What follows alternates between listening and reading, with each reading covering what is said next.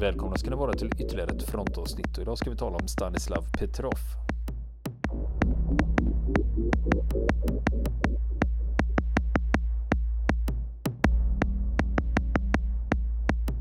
Ja, Niklas, du nämnde ju Stanislav Petrov eh, när vi pratade lite med Abel Archer, gjorde du inte det? Jo, jag gjorde ju det. Och det var ju så att han kom ju, för han fick ju inte riktigt plats i, i den lilla trilogin där om, om eh, Agent Topaz och Abel Archer. Så att, eh, jag tänkte då får vi göra ett fristående avsnitt här. Så blir det den där fjärde avsnittet i trilogin som vi pratade om. så att säga. Ja, fast Abel Archer är ju redan en kvadrologi. Ja, det har du ju rätt i. Fyra avsnitt. Du har det rätt i. Kvadrologi i fem delar. I fem delar, ja. ja.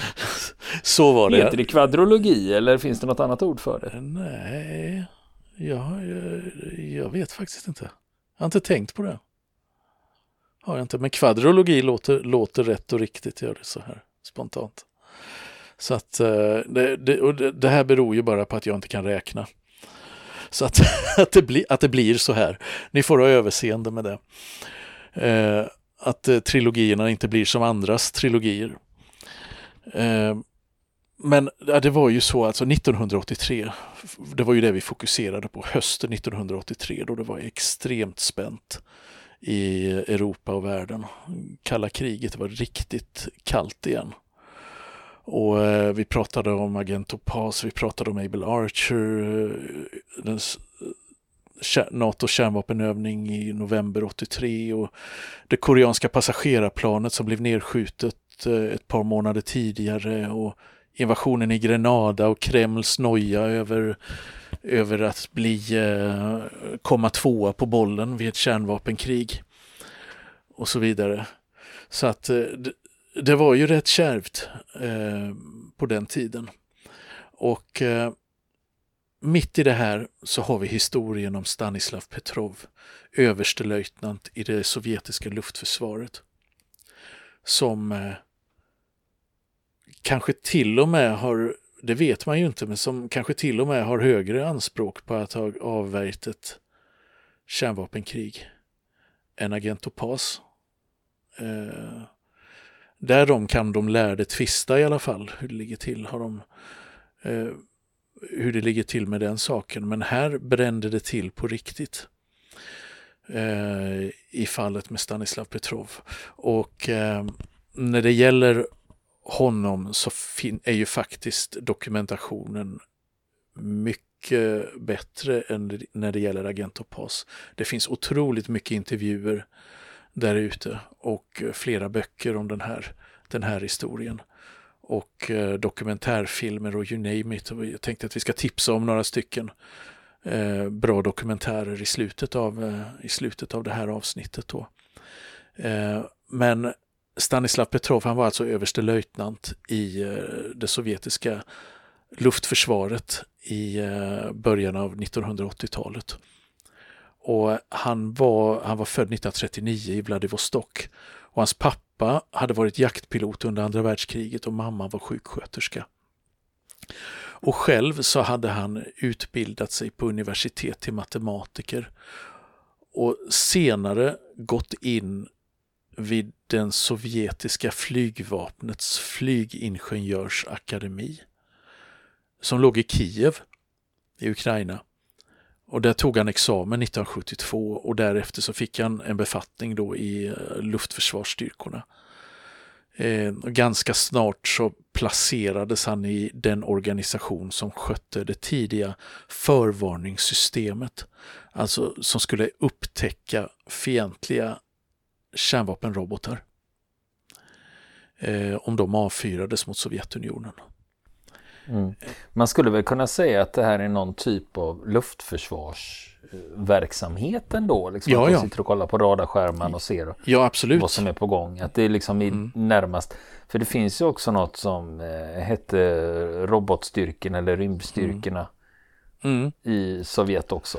Ja, det fanns ju de strategiska robotstyrkorna som, eh, som skulle kunna eh, anfalla. Som, det är ju en offensiv styrka då eftersom det gäller att skicka, skicka robotar mot främmande länder.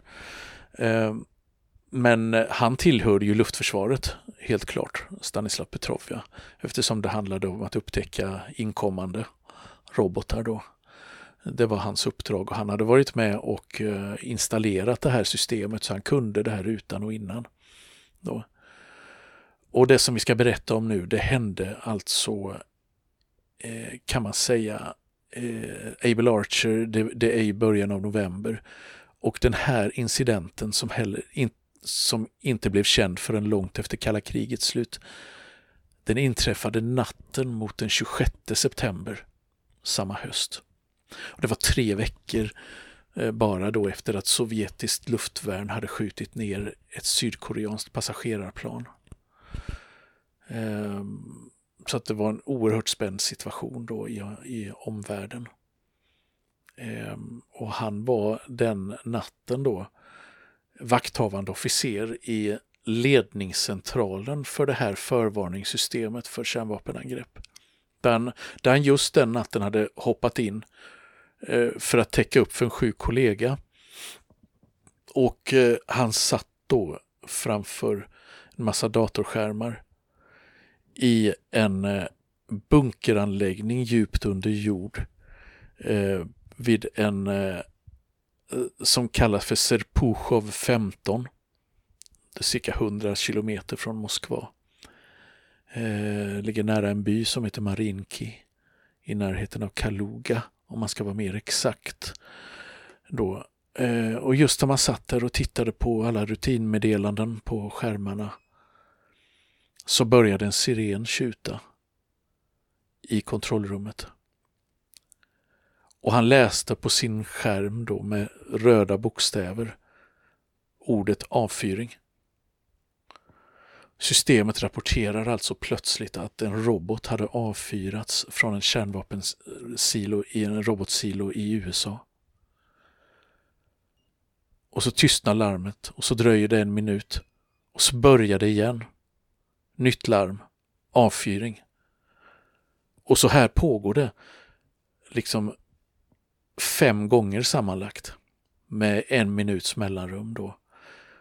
Eh, och det här systemet då, eh, förvarningssystemet, det heter OKA, ögat och det hade installerats ett år tidigare bara och var alltså toppmodernt och bestod av spionsatelliter som höll koll på vad som hände nere på marken i, i USA. Och höll koll efter eh, avfyringar av robotar då. Och när det här skedde så visste man per definition att då hade man inte många minuter på sig att bestämma sig för vad man skulle göra. Och i den sovjetiska doktrinen ingick det då att svara med vedergällning så fort man kunde. Att avfyra sina robotar tillbaka. Ja, man har ju några minuter på sig bara. Just det, just det.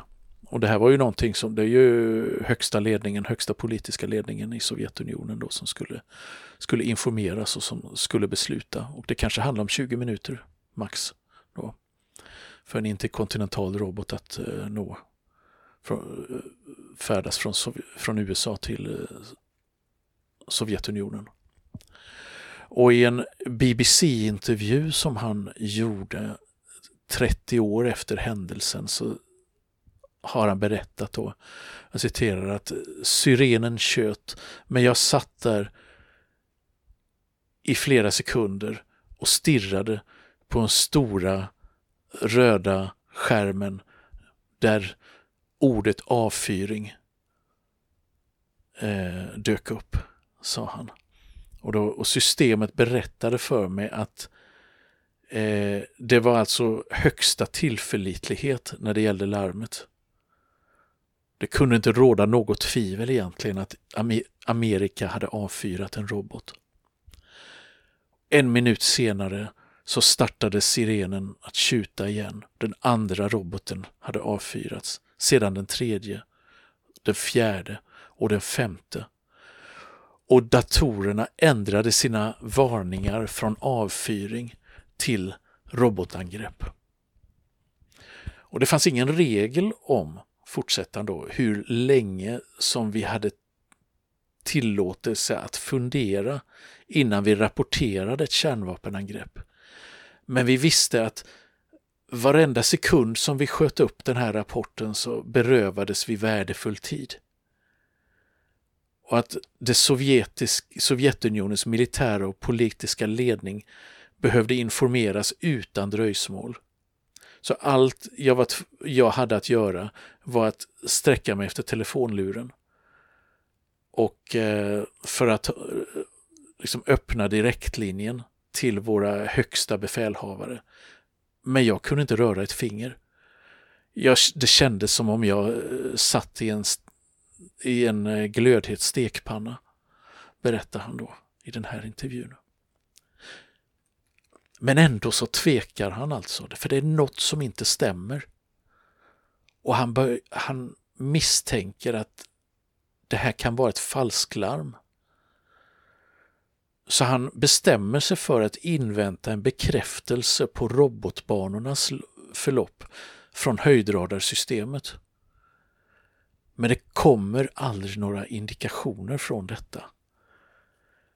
Han, efter mycket funderande då så tar, tar han luren och ringer sin chef och rapporterar på eget ansvar att det här är, det här är sannolikt ett falsklarm. Och det var en tung börda då för en enskild officer i luftförsvaret att ta på sina axlar när klockan tickar då. För det fanns ju ingen som skulle kunna ha korrigerat hans beslut om det var allvar. Och det visade sig att det faktiskt var robotar i luften. Och han säger då i samma intervju då som jag citerar, då, det finns gott om intervjuer med honom, men jag har, jag har valt en BBC-intervju från 2013 här eh, att citera från. Då, så där berättar han att jag hade alla tillgängliga data som visade att det pågick ett kärnvapenangrepp. Och om jag hade skickat min rapport upp i befälskedjan så skulle ingen ha protesterat mot det. Berättar han då. För att han, men ändå så reagerar han tvärt reglerna att, som liksom hade gett honom stränga order att följa då. Och istället för att inleda omedelbara motåtgärder, alltså rapportera det här så att, så att hela den här eh, bollen kunde, tills hela bollen kunde sättas i rullning där då, som förberedelse för snabb, snabb vedergällning så väntar han och väntar. Och det som får honom att vänta då är att om han har rapporterat robotavfyringarna som ett faktum skulle det kanske ha lett till att hans chefer gett order om ett vedergällningsangrepp mot USA. Och då snackar vi tredje världskriget och en atomvinter. Och eh, liksom eh, ohyggliga, ja, världens undergång nästan. Med tanke på hur många kärnstridsspetsar som eh, fanns inom väst och östblocket på den tiden. Eh, har du någon aning om, skulle du våga gissa hur många som fanns 1983 enligt tillgängliga data idag? Eh, pratar vi om kärnvapenrobotar ja, eller eh, kärnstridsspetsar? För en robot var ofta bestyckad med ja, flera stridsspetsar. Exakt, men nu talar vi stridsspetsar. Ja, men jag gör en, en gissning här så mm, ja. får du rätta mig. Det är 4700 inom Warszawapakten och eh, 6500 på eh, NATO-sidan. Mm. Det lät väldigt specifikt och det var helt fel. ja. För östblocket då, Sovjetunionen, hade 35 804 kärnstridsspetsar 1983 och USA hade 23 305. Så det handlar ju om, det handlar om ett antal som skulle kunnat eh, utplåna allt liv på jorden flera gånger om. Kan man säga. Eh, och det fanns ju då väldigt tidigt beräkningar över konsekvenserna av eh, kärnvapenangrepp. Då. Det är en rapport som, en amerikansk rapport från 1979 eh, från amerikanska kongressen, eh, Congress Office of Technology Assessment. Eh, alltså avdelningen för bedömning av teknologi.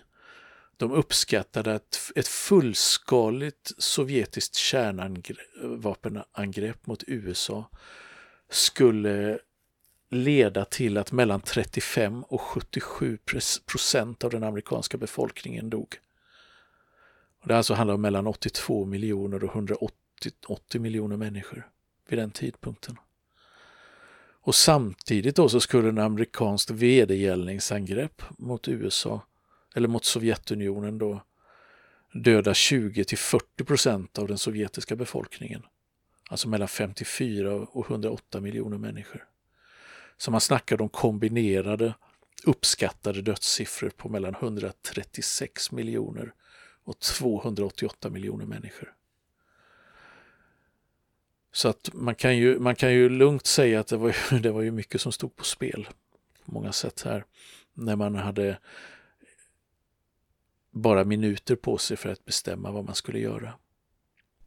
Ja, och det får vi inte glömma att vi som växte mm. upp under det här kärnvapenhotet på 80-talet, mm. vi kände ju till det här. Mm. Att vi visste att på ena sidan där sitter de med sina grejer och på andra sidan sitter de andra med sina grejer. Och mm. när som helst kan det smälla. Mm. Minsta lilla felsteg. Liksom. Minsta lilla grej. Och det behöver inte vara att det faktiskt är avsiktligt utan det kan vara ett misstag som löser ut det här kriget. För skickar de en robot av misstag så kommer de andra att svara och då är, vi, då är det liksom atomvinter. Så vi levde ju med den här undergången hängande över oss. Vi visste att när som helst, så som vi känner till världen och Sverige i det här fallet, att det kan när som helst ta slut. Va? Det var ju det man hörde ju det ofta, äh, det spelar ingen roll för snart kommer bomben ungefär. Det var många som uttryckte sig lite sådär. Inget att, ja, vad det nu är, eh, det finns ingen som spelar någon roll för snart smäller det ungefär. För att det var, Fatalism? Eh, det var ganska vanligt, ja lite fatalism så. Och det är lite, en, lite atmosfär som kan vara väldigt svår att eh, svår att förklara idag hur det faktiskt var på den tiden. Men, eh, men i alla fall, i det här högkvarteret, den här bunkern där Stanislav Petrov satt och våndades då, där gick ju minuterna oerhört nervöst. Klockan tickar. Och man kan ju tänka att han svettades rejält medan han eh, för, försökte förvissa sig om att han hade gjort rätt bedömning. Att det här var ett eh, något form av eh, tekniskt fel. Och till slut då så ringer han eh, sin överordnade och rapporterar att systemet eh, är utsatt för ett, ja, har drabbats av ett tekniskt fel. Att det inte handlar om ett kärnvapenangrepp som det signaleras om. Och skulle han haft fel, ja då skulle den första detonationen ske bara några minuter senare. Och efter 23 minuters oviss väntan då så insåg han att ingenting har hänt. Allt är precis som vanligt. Världen finns kvar. För om det hade skett ett, en eh, kärnvapendetonation någonstans i Sovjetunionen så skulle han ha fått reda på det direkt om man säger så. I, i sin, eh, i sin eh, ledningscentral. Och han har berättat då i senare intervjuer då om att beslutet att avvakta, det grundades på flera saker. Då. Och bland annat då på insikten att om USA verkligen skulle genomföra ett kärnvapenangrepp mot Sovjetunionen, då skulle de ju avfyra en massor av robotar. För det var ju fullkomligt ologiskt att man bara avfyrar fem stycken. Och han var också medveten om att det här förvarningssystemet det var relativt nyinstallerat. Det var bara ett år gammalt och ännu inte helt pålitligt. Det kunde finnas barnsjukdomar och sånt som man behövde komma till rätta med. Vidare så registrerade varken radar eller andra satelliter några robotbanor. Inte ens efter flera minuters väntan. Men trots det då, alltså att det var ändå en oviss väntan och oerhört nervöst för han erkände senare då att han aldrig var helt säker på att det var ett falsklarm efteråt har han sagt att ja, det kunde vara 50-50. Som han sa, men han ville inte bli ansvarig, den som ansvarade för att starta ett kärnvapenkrig. Och han har också då berättat att det var, det var inte officeren i honom utan civilisten i honom som fick honom att fatta rätt beslut. För han var, han var matematiker, han hade gått i civila skolor, eh, haft ett liv utanför det militära Medan de flesta av hans kollegor enbart tänkte militärt och de var programmerade att handla på ett visst sätt och lyda order. Så, så han sagt ja, det, det är tur att den här incidenten inträffade under mitt arbetspass och ingen, inte under någon av mina kollegors. Så att det visade sig då att eh, Petrov hade fått rätt. Det var inga robotavfyrningar, utan det var datorsystemet som inte fungerade som det skulle. Och den här incidenten avslöjade alltså brister i det sovjetiska förvarningssystemet. Det gjordes en utredning då som pågick i flera månader och som visade att falsklarmet hade orsakats av solljus som reflekterades på ett ovanligt sätt i några moln på hög höjd över North Dakota.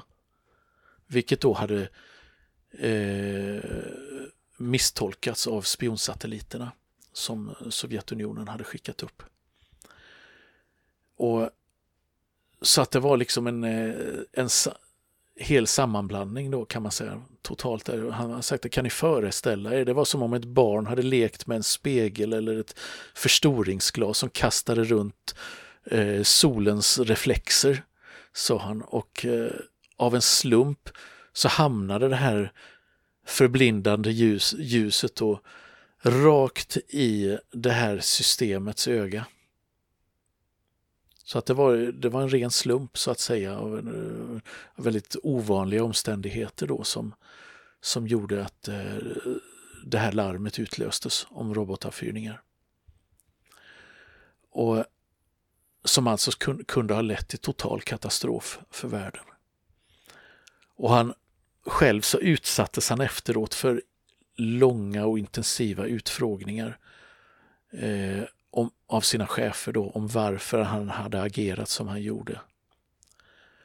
Och Det framgick också att de var ganska nöjda med att han hade gjort som han gjorde då. Han fick, också, eh, fick eh, beröm i början internt. Då, bland annat av hans dåvarande överordnade. En general som heter Jurij Vatintsev, som just då var befälhavare för de sovjet det sovjetiska robotförsvaret.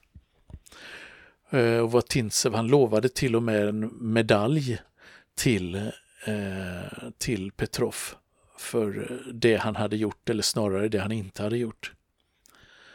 Eh, och samtidigt då så, fick, eh, så fick han ändå kritik då för att han inte hade rapporterat händelsen som, eh, som han borde gjort i tjänstedagboken. Eh, att den inte hade dokumenterats tillräckligt väl. Men Så att det fick han kritik för samtidigt som han blev lovad en medalj då.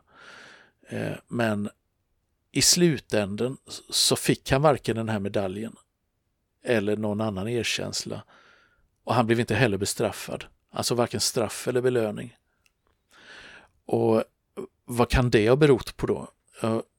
Det berodde på det som jag brukar eh, hänvisa till som Army Policy. Ibland som eh, är vanligt i många militära apparater. Det vill säga, det gäller att det finns andra agendor och särintressen och eh, eh, ambitioner att skydda karriärer och så vidare. Eh, för bristerna som upptäckts i förvarningssystemet genom den här händelsen, de var ju väldigt pinsamma för hans chefer, för de som hade ansvarat för att det här systemet infördes och för konstruktörerna som hade byggt det. Så om han hade fått en medalj för det han gjorde så skulle det varit nödvändigt med en motivering varför han fick den. En väldokumenterad sådan. Och om det hade funnits en väldokumenterad motivering till det så skulle det också förmodligen ha blivit nödvändigt att bestraffa eller kritisera de som var ansvariga för systemet. Och det ville man inte, det ville man undvika. Så att eh, det blev inget. Det tystades ner. In, även internt. Sopades under det mattan. sopades under mattan, precis. Och själv så förflyttades han från den här eh, förvarningsledningen, eh, alltså centralen för det här förvarningssystemet till en mer ofarlig och undanskymd befattning. Så på sätt och vis så var det han som gjordes till syndabock för att rädda andras karriärer. Och 1984 så lämnar han helt och hållet det militära och fick jobb vid just det sovjetiska forskningsinstitutet i Moskva som hade utvecklat förvarningssystemet. Så man kan tänka att de hade en del att prata om där, kan man säga. Men ändå så eh, han hade fått eh, lite problem i familjen. Hans, hans hustru hade fått, blivit sjuk i cancer.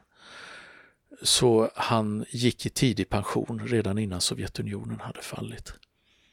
Eh, för att ta hand om henne. Mm. Eh, för när du beskriver det här, eh, man pratar ju om på den här tiden, det fanns ju, vi hade ju kärnvapenhotet och sen var det också en aktiv diskussion om kärnkraften. Som vi hade en folkomröstning 1980 om man skulle ha kvar kärnkraften i Sverige eller inte. Men då diskuterar man ofta den mänskliga faktorn. Eh, Var ett ord som användes i mängder av debatter både kring kärnkraftssäkerhet och även om kärnvapenhotet. Att eh, det är problemet att man blandar in människor i de här väldigt farliga systemen. Och, och jag, du kommer nog ihåg 1983 så kommer en amerikansk film eh, med Matthew Broderick som heter War Games. Jajamän. Ja, Jajamän, gud ja. För den i, ja, såg jag på bio. För, ja, det för då, det jag, jag tänker på det är inledningsscenen eh, till den filmen som utspelar sig i en amerikansk kärnvapensilo. Där de får ett larm, this is not a drill, launch the missiles. Och då är de två befälhavare i varje silo. De ska då vrida om nyckeln för att skicka iväg det här. Och eh, när de väl gör det här testet med dem då, där eh, de vet inte om att det här är en övning, utan för dem är det här skarpt. Va? Då visar det sig att väldigt många, trots att de liksom får en direkt order, vägrar vrida om nyckeln och skicka iväg eh, robotarna. Och det är det som är upptakten i filmen då att ja, den mänskliga faktorn, de, de är inte tillförlitliga men vi behöver datorisera det här avfyrningssystemet istället. För en dator kan ju inte göra fel. Och det var ju faktiskt eh, exakt den situationen som Petrov befann sig i här. När det liksom fanns tydliga indikationer på att han faktiskt skulle trycka på knappen och eh, ringa uppåt och säga att vi är under, vi under robotanfall här. Mm, Men han gör det. ju inte det. Nej. För han inväntar ytterligare indikationer. Precis, han valde att Medan, inte lita han, på han datorn. Bröt väl egentligen på det viset måste han ju egentligen ha brutit mot given order. Ja, det gjorde han, för han rapporterade inte så fort som eh, han eh, borde ha gjort. Utan han, han, han eh, tog en risk och väntade för att förvissa sig om att det här verkligen var, stämde. Eller, och det, på det sättet så agerade han inte som han borde eftersom som eh, han hade blivit instruerad eller drillad att göra i det läget. Så att, eh, så att det är riktigt. Det är riktigt. Ja, och sen, sen har Hollywood fortsatt med sina eh, farhågor kring det här att man datoriserar för mycket. Eh, till exempel Cyberdyne System som utvecklar Skynet. Då i, Just det. pratar jag såklart om Terminator-filmerna ja, då. När systemet uppnår medvetande. Det är något som man pratar om idag med AI och så vidare. Vad kan gå fel? ja, just det. Eh, och den här händelsen då, det som hände den där septembernatten 1983, det blev inte känt, allmänt känt förrän på 90-talet, flera år efter Sovjetunionen hade försvunnit. Och det var först när hans överordnade general Vatintsev publicerade sina memoarer i Ryssland. Och där han i all korthet refererade den här händelsen eh, från 1983 då, då världen var nära ett kärnvapenkrig. Då blev det här känt. Och det gjorde Petr Stanislav Petrov, då som omnämns då i memoarerna där, berömd över en natt kan man säga och han började jagas av journalister, av reportrar från hela världen som ville höra hans historia då. Eh, de ville, ville göra reportaget om vad man ofta då kallar mannen som räddade världen. Och det har ju då i, i mycket av det som har skrivits efteråt om det så råder det viss förvirring kring Stanislav Petrovs roll den här natten då. För han var ju inte ansvarig för att avfyra några robotar. Det var inte han som skulle vrida om nyckeln eller trycka på knappen eller vad det nu var. Utan han skötte ju bara satellitövervakningen och skulle rapportera eventuella varningar. För det var ju, det var ju högsta statsledningen i Sovjetunionen, det militära och politiska, som skulle besluta om en vedergällning med kärnvapen. Men han hade ju ändå en avgörande roll eftersom det var hans ansvar att komma in med rapporten om det. Vad som, vad som eh, eventuellt var på väg att hända. Och förvarna de högsta ledarna på det sättet. Vilket han då inte gjorde. Och eh, han blev ju som sagt väldigt berömd och en av eh, de, de dokumentärer som har gjorts om honom då, den kom för eh, bara några år sedan och heter The Man Who Saved the World. Och i samband då med inspelningarna av den dokumentären så fick han åka till, göra en resa till USA för att snacka om dokumentären. Och då passade han också på att besöka ett eh, museum över de amerikanska kärnvapenstyrkorna. Så att han fick komma till en robotsilo som hade omvandlats till ett museum. Och det, det har, sa han i samband med det att han aldrig i hela sitt liv trott att han skulle få besöka en plats som varit så hemlig i ett fiendeland. Så det, det, det, var han lite tagen av, så att säga, att han, han fick se hur det såg ut på andra platsen, andra sidan då Atlanten i en, möjligen en av de eh, robotsilos där varifrån den här felaktiga avfyrningen hade skett. Då, eller som hade registrerats en felaktig avfyrning från om man nu ska uttrycka sig korrekt. Och han fick ju många, många medaljer och utmärkelser på olika håll i världen efteråt för det här då. Och till exempel då 2013 så fick han motta ett fredspris i Dresden i Tyskland. Och jag kan ju inte, bara, inte låta bli liksom fundera på, tänk om agent Topaz var där i publiken och såg det här. Tänk om de möttes där. Alltså, de här två som var nära, liksom, som, eh, som eh,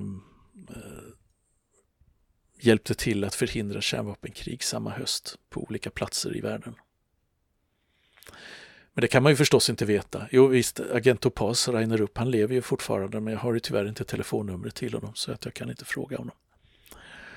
Eh, så att den dokumentären kan vi rekommendera för den, den är prisbelönt och har fått eh, flera filmpriser. The Man Who Saved the World. Ehm, och sen så finns det ju som sagt eh, massor av artiklar i eh, engelska och även svenska tidningar. De är bara en googling bort när det gäller Stanislav Petrov och hans historia.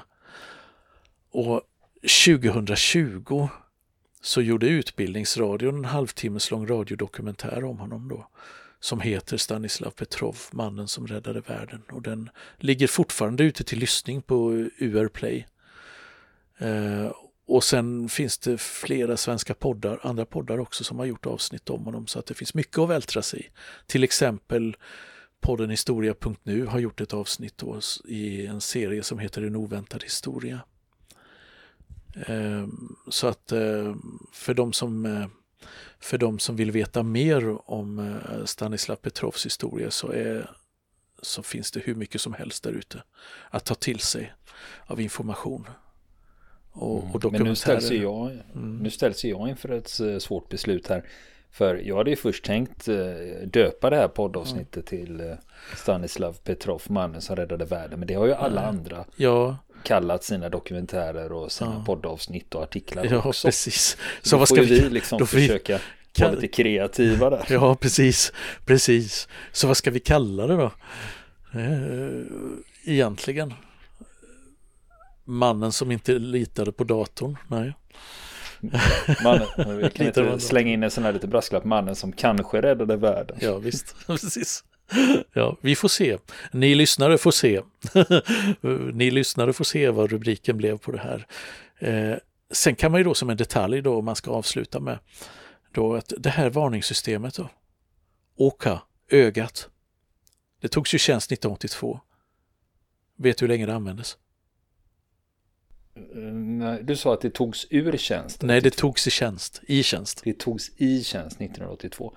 Ja, man körde väl med det åtta år till då, fram till 1990. 2019. Ja, det Användes här, det till. Alltså det i, i modern tid alltså. Japp, det slutade användas 2019. Då ersattes det av ett annat system. Man kan ju hoppas att det förbättrades under åren. Eh, men det finns också flera andra his eh, historier om när kärnvapenkrig varit nära under kalla kriget. Eh, och bland annat från 1995 då inträffade en ny incident under president Jeltsins tid. Men eh, som med mycket annat i den här världen så får vi väl betrakta det som en annan historia. Vi får berätta en annan gång. Vill ni komma i kontakt med oss så kan ni göra det via vår Facebook-sida som heter Fronten. Det är inga problem för er att leta er fram där. Eller också så mejlar ni på vår mejladress och det är frontenpodcast.gmail.com.